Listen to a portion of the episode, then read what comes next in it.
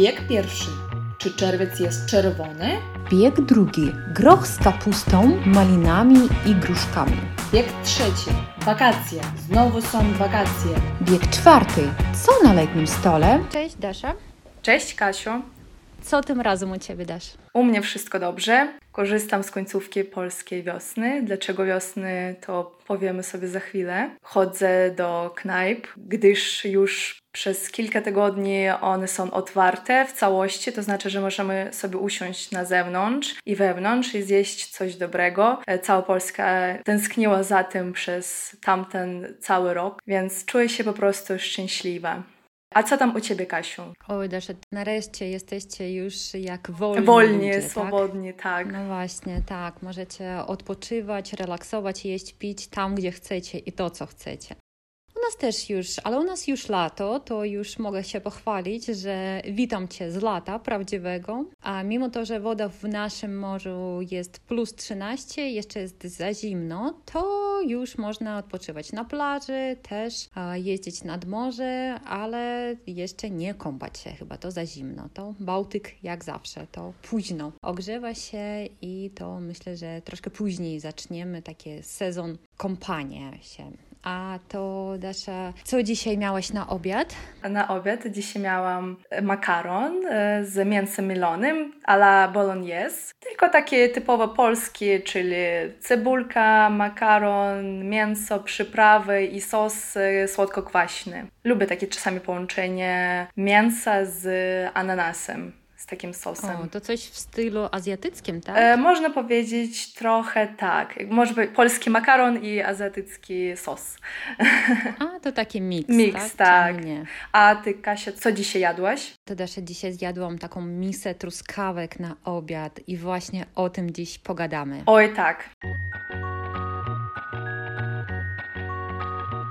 Даш, ну что, сегодня мы с тобой поговорим о вкусной теме, о ягодах, о фруктах, об овощах, которые встречаются в польском языке.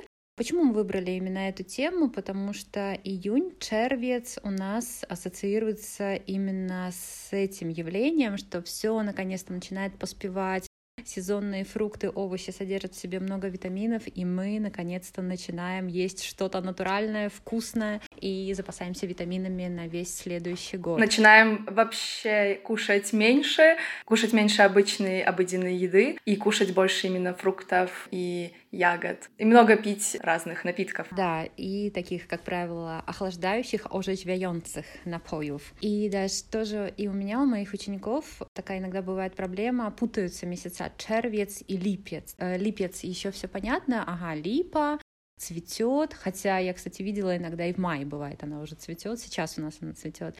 А червец, какая у меня ассоциация? У меня ассоциация то, что все, что червоное, да, красного цвета, малина, клубника, земляника, вишня, и как раз-таки оно появляется в июне, соответственно, месяц червец называется от слова червоны. Даш, а у тебя какая ассоциация с этим месяцем? Вообще, откуда пошло такое название червец?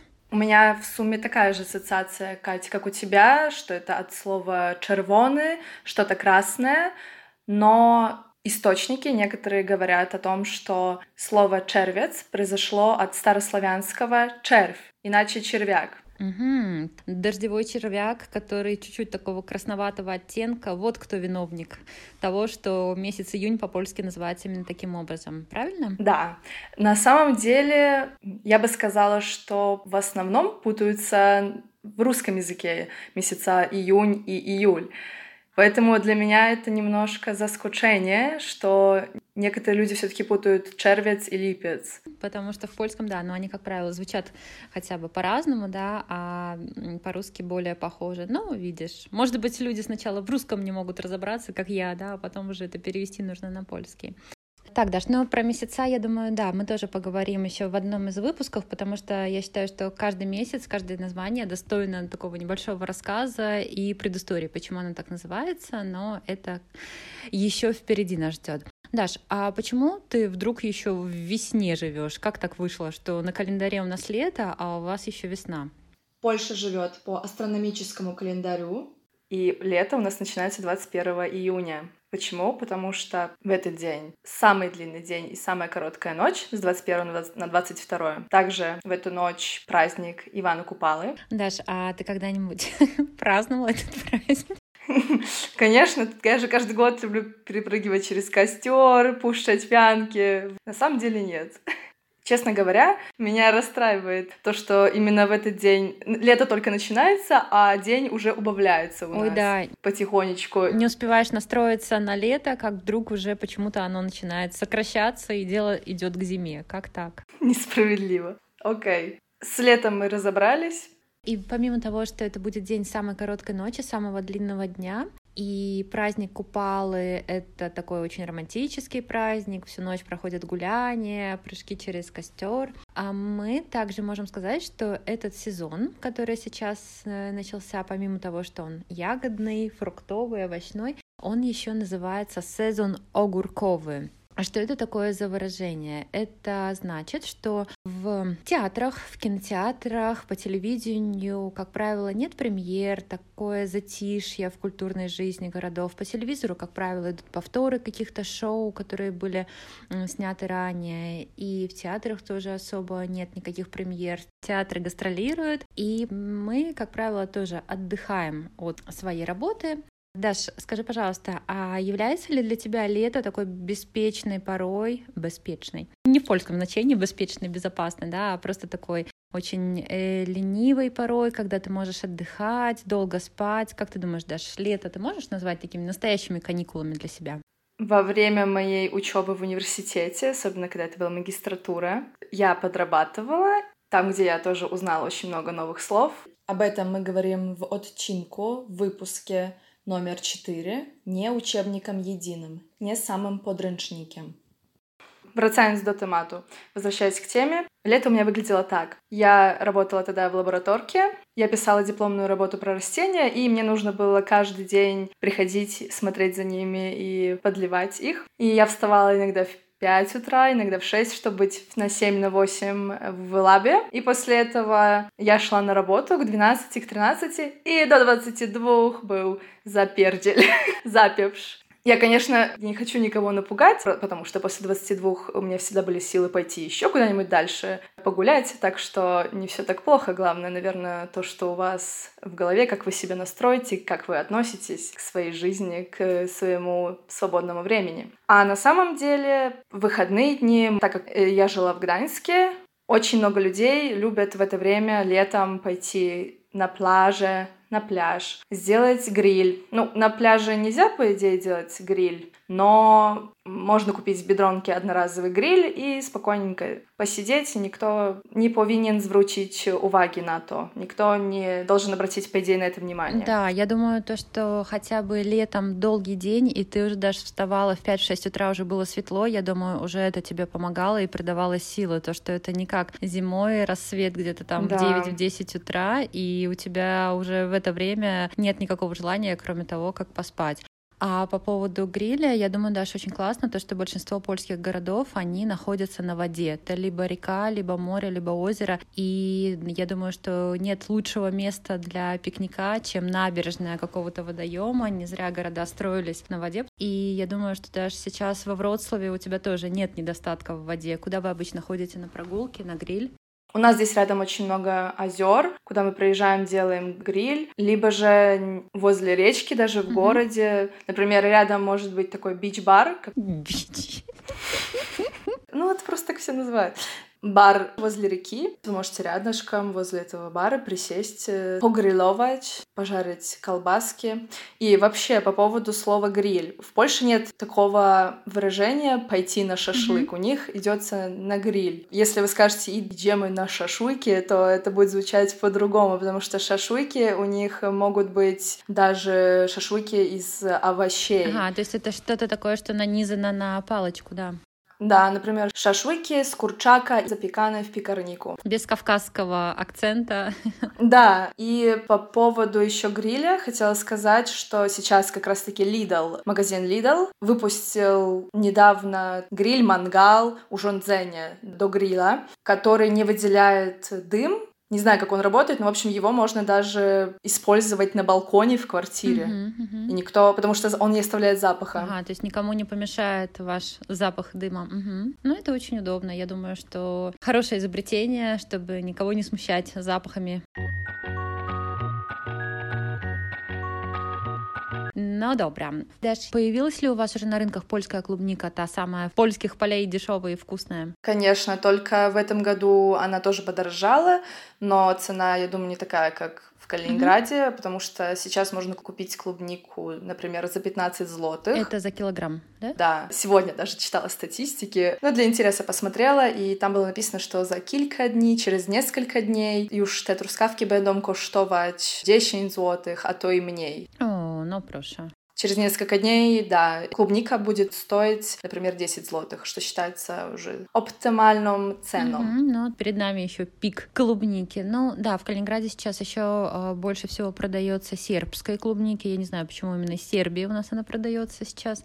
А говорят, да, что скоро будет наша местная, она будет подешевле, возможно, чуть помельче, но сейчас июнь очень теплый, и я надеюсь, то, что она будет сладкая и вкусная, не хуже, чем иностранная. И в связи с этим мы хотели бы рассказать о нескольких фразеологизмах, которые тоже связаны с темой ягод. А мы помним, что ягоды по-польски называются просто овоце лечные или овоце. Отдельного слова ягоды его нет, а слово ягоды, оно обозначает, Даша? Черника. Да.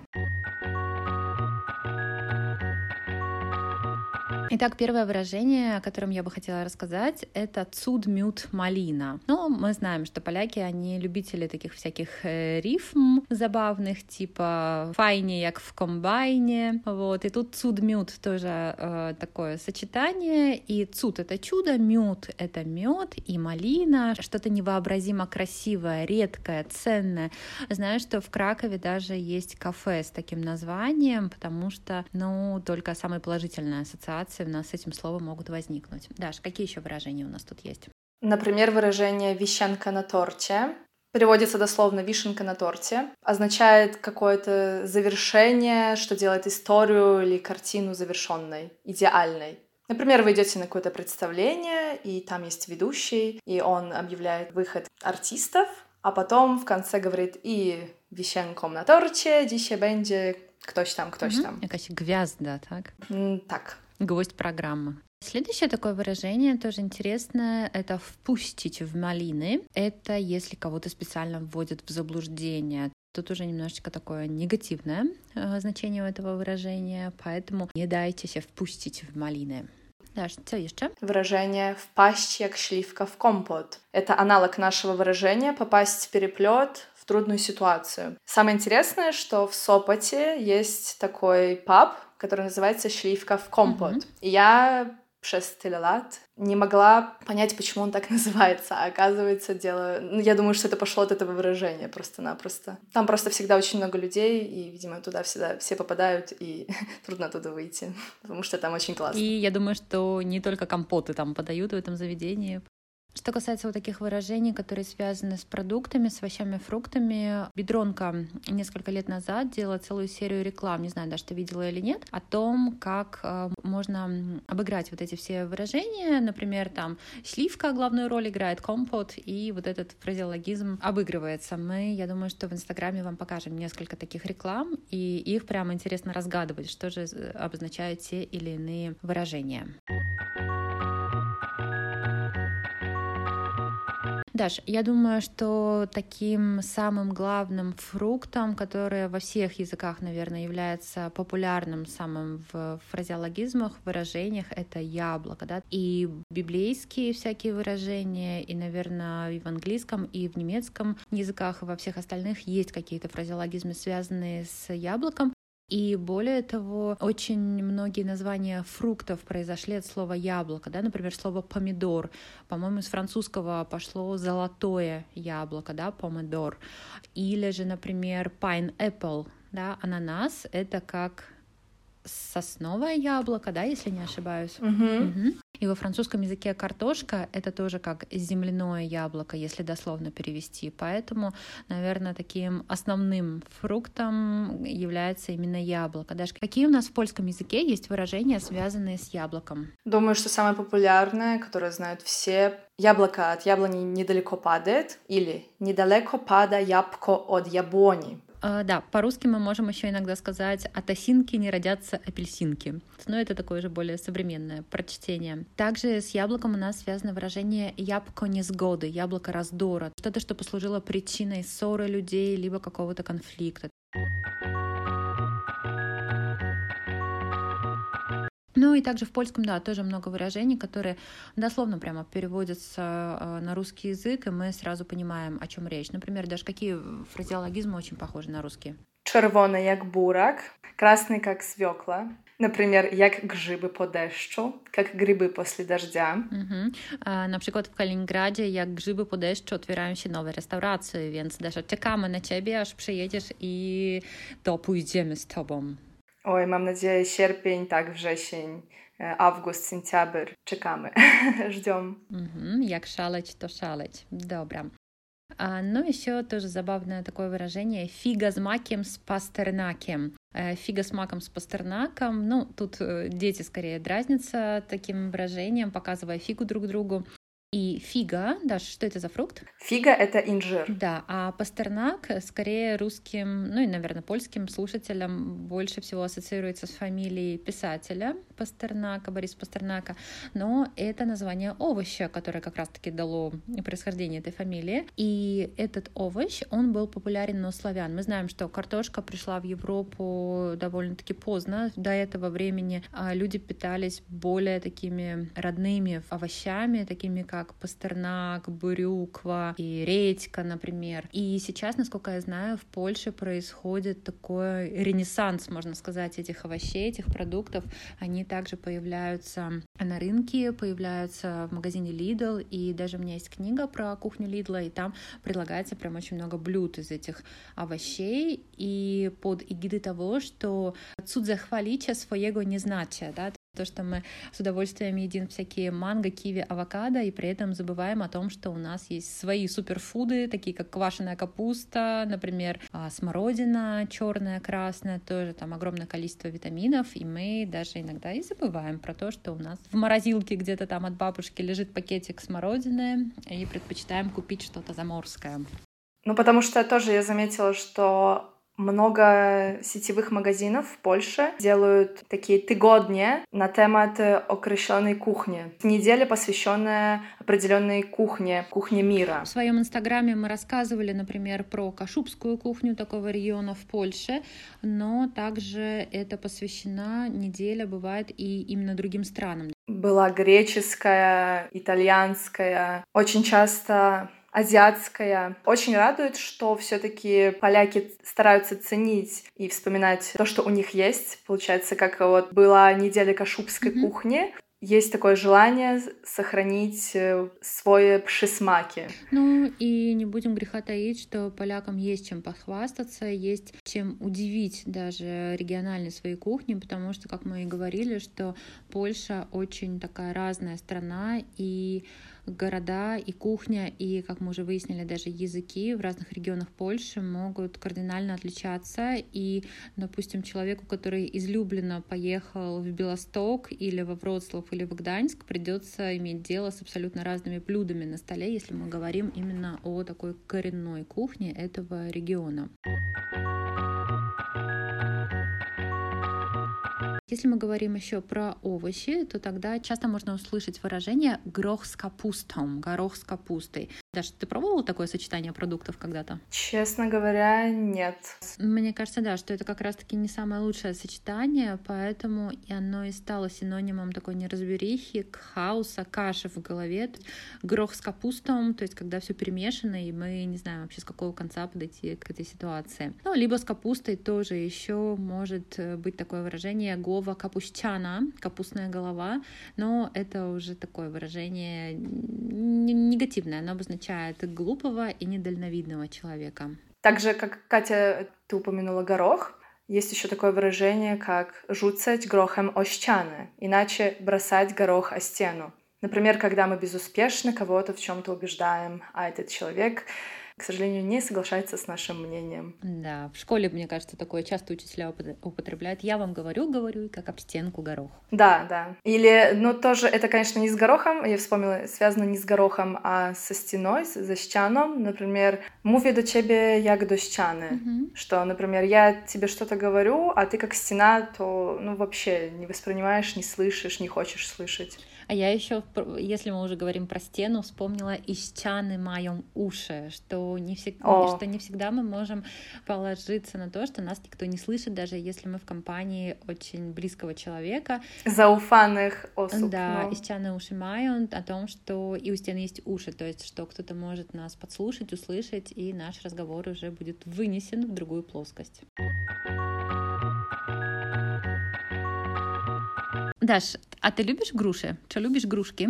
E, tak, gruszki uwielbiam. А то я так запытала не с грушки, не с петрушки, да, даже когда мы что-то спрашиваем так нежданно-негаданно из с потолка, а, то мы можем использовать это выражение не с грушки, не с петрушки.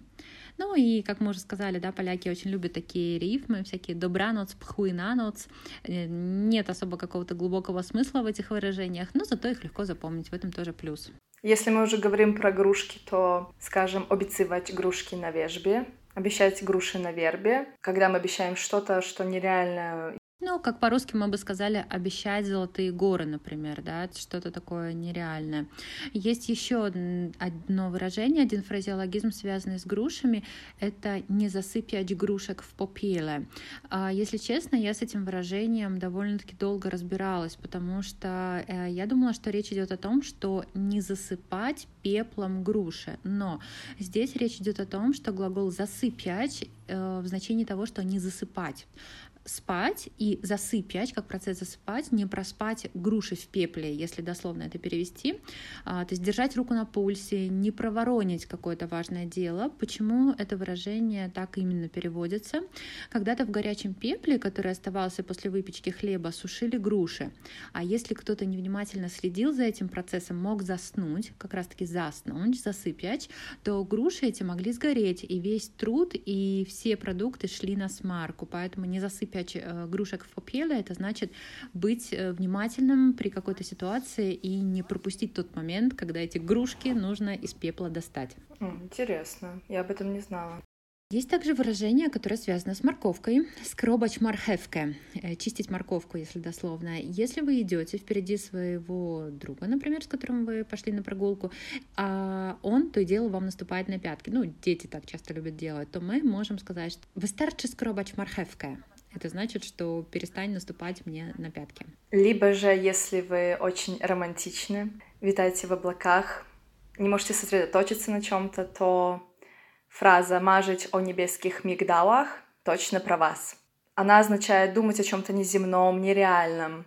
Мигдалы переводится как миндаль. Когда-то еще слово «мигдал» имело значение чего-то драгоценного, необычного. Э, я думаю, что это связано с тем, что миндаль в Польшу привозили из разных теплых заморских стран, и поэтому он был, наверное, по цене сопоставим чуть ли не с золотом. Это было что-то таким очень дорогим и недоступным для простого смертного. Поэтому мажить о, небес, о небесских мигдалах, о чем-то таком э, дорогом и недоступном. И небесский здесь не в значении, что миндаль э, синего цвета, голубого цвета, а о том, что он такой, как на небе, такой небесный, райский. Ну и да, тоже это можно сказать про школьников, которые во время экзаменов, которые сейчас проходят в России, в Польше даже как сейчас сессия проходит или нет?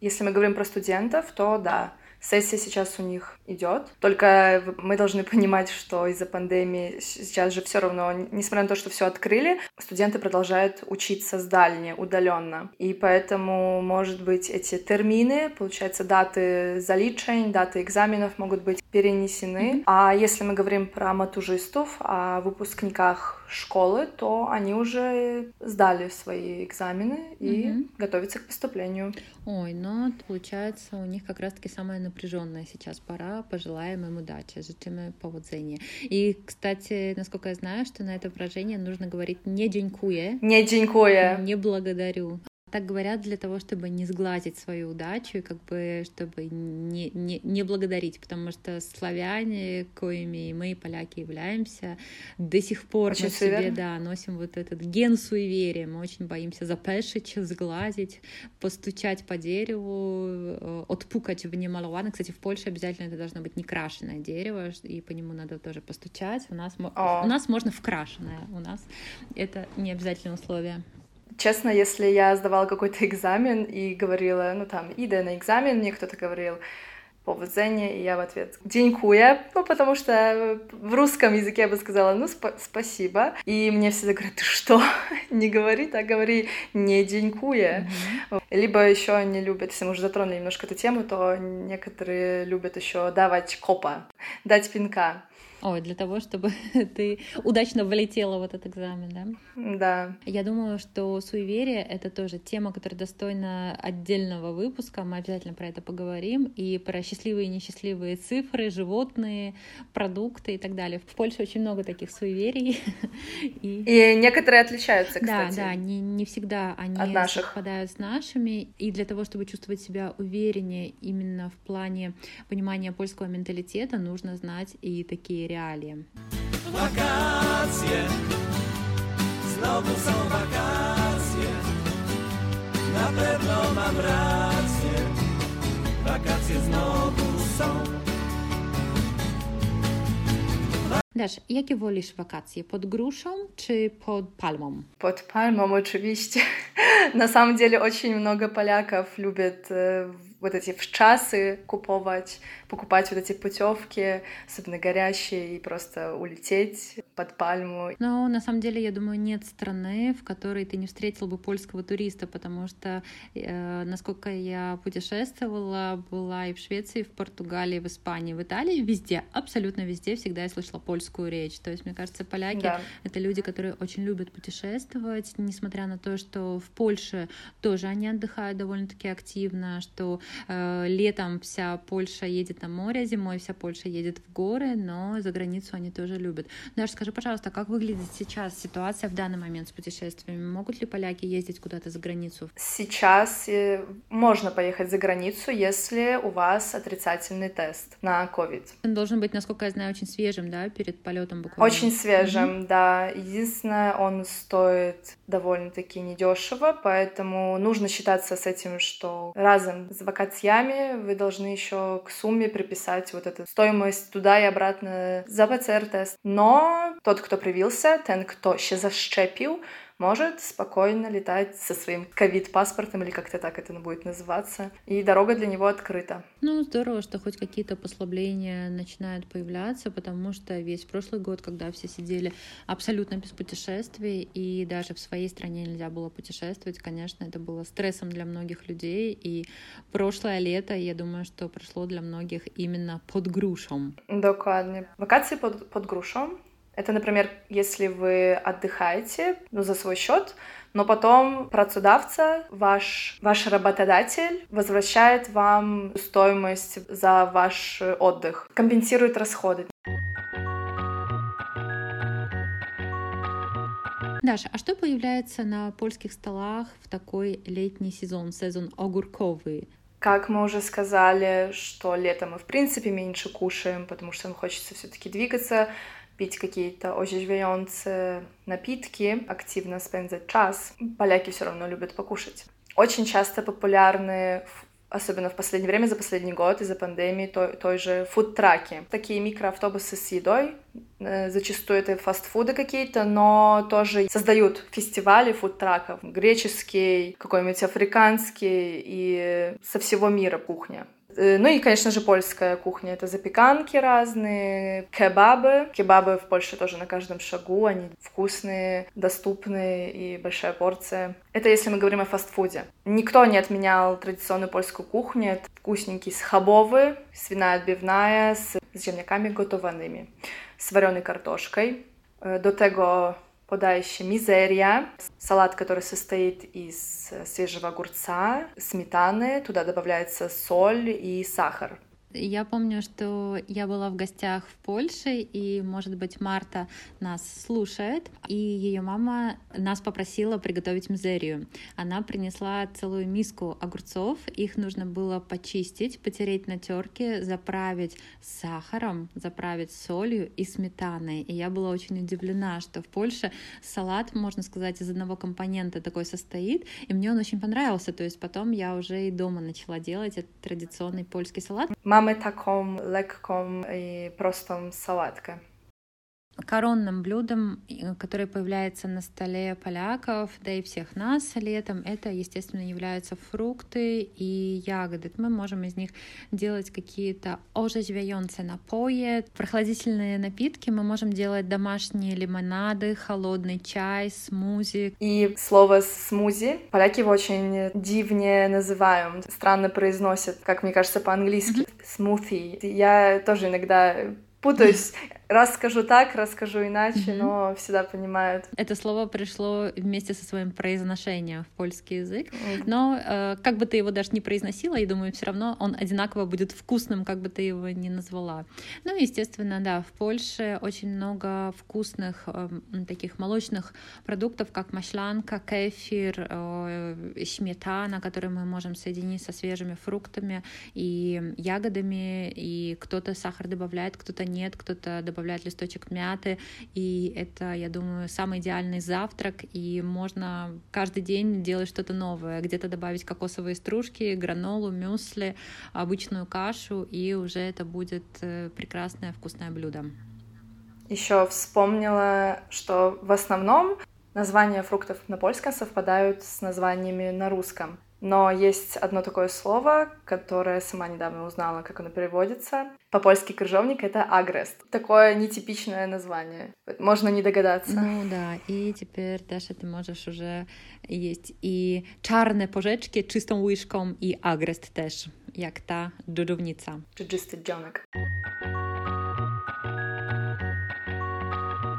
Я думаю, что мы достаточно сегодня уже поговорили про фрукты, про овощи. Мы вам желаем взять с собой корзинку клубники, наушники и подкаст с собой и пойти куда-нибудь на полянку. На пикник. Или да, на скамейку или в парк и послушать нас вместе с тем, как вы будете любоваться видами, наслаждаться летом, а в Польше еще немножко весной, она все так же длится. И обязательно приходите к нам на Инстаграм. Польский в бегу. И поделитесь с нами, какие фрукты, ягоды вы любите кушать летом. Приходите к нам на Инстаграм, потому что Даша часто выкладывает интересные блюда. Например, а, недавно... Домовые гофры. Да, Даша недавно делилась со мной рецептом а, домовых вафель, которые называются домовые гофры, и, естественно, их можно украсить свежими фруктами. И битом śmietanką. Памятаем, помним, что Сметана — это сметана, а сметанка — это сливки. Мы надеемся, что этот выпуск вам также понравился, как и все остальные. Благодарим вас за высокие оценки во всех приложениях и также за то, что вы советуете нас своим друзьям, которые тоже изучают польский язык. To więc do usłyszenia za tydzień, jak zawsze. Korzystajcie z lata. No do usłyszenia. Cześć!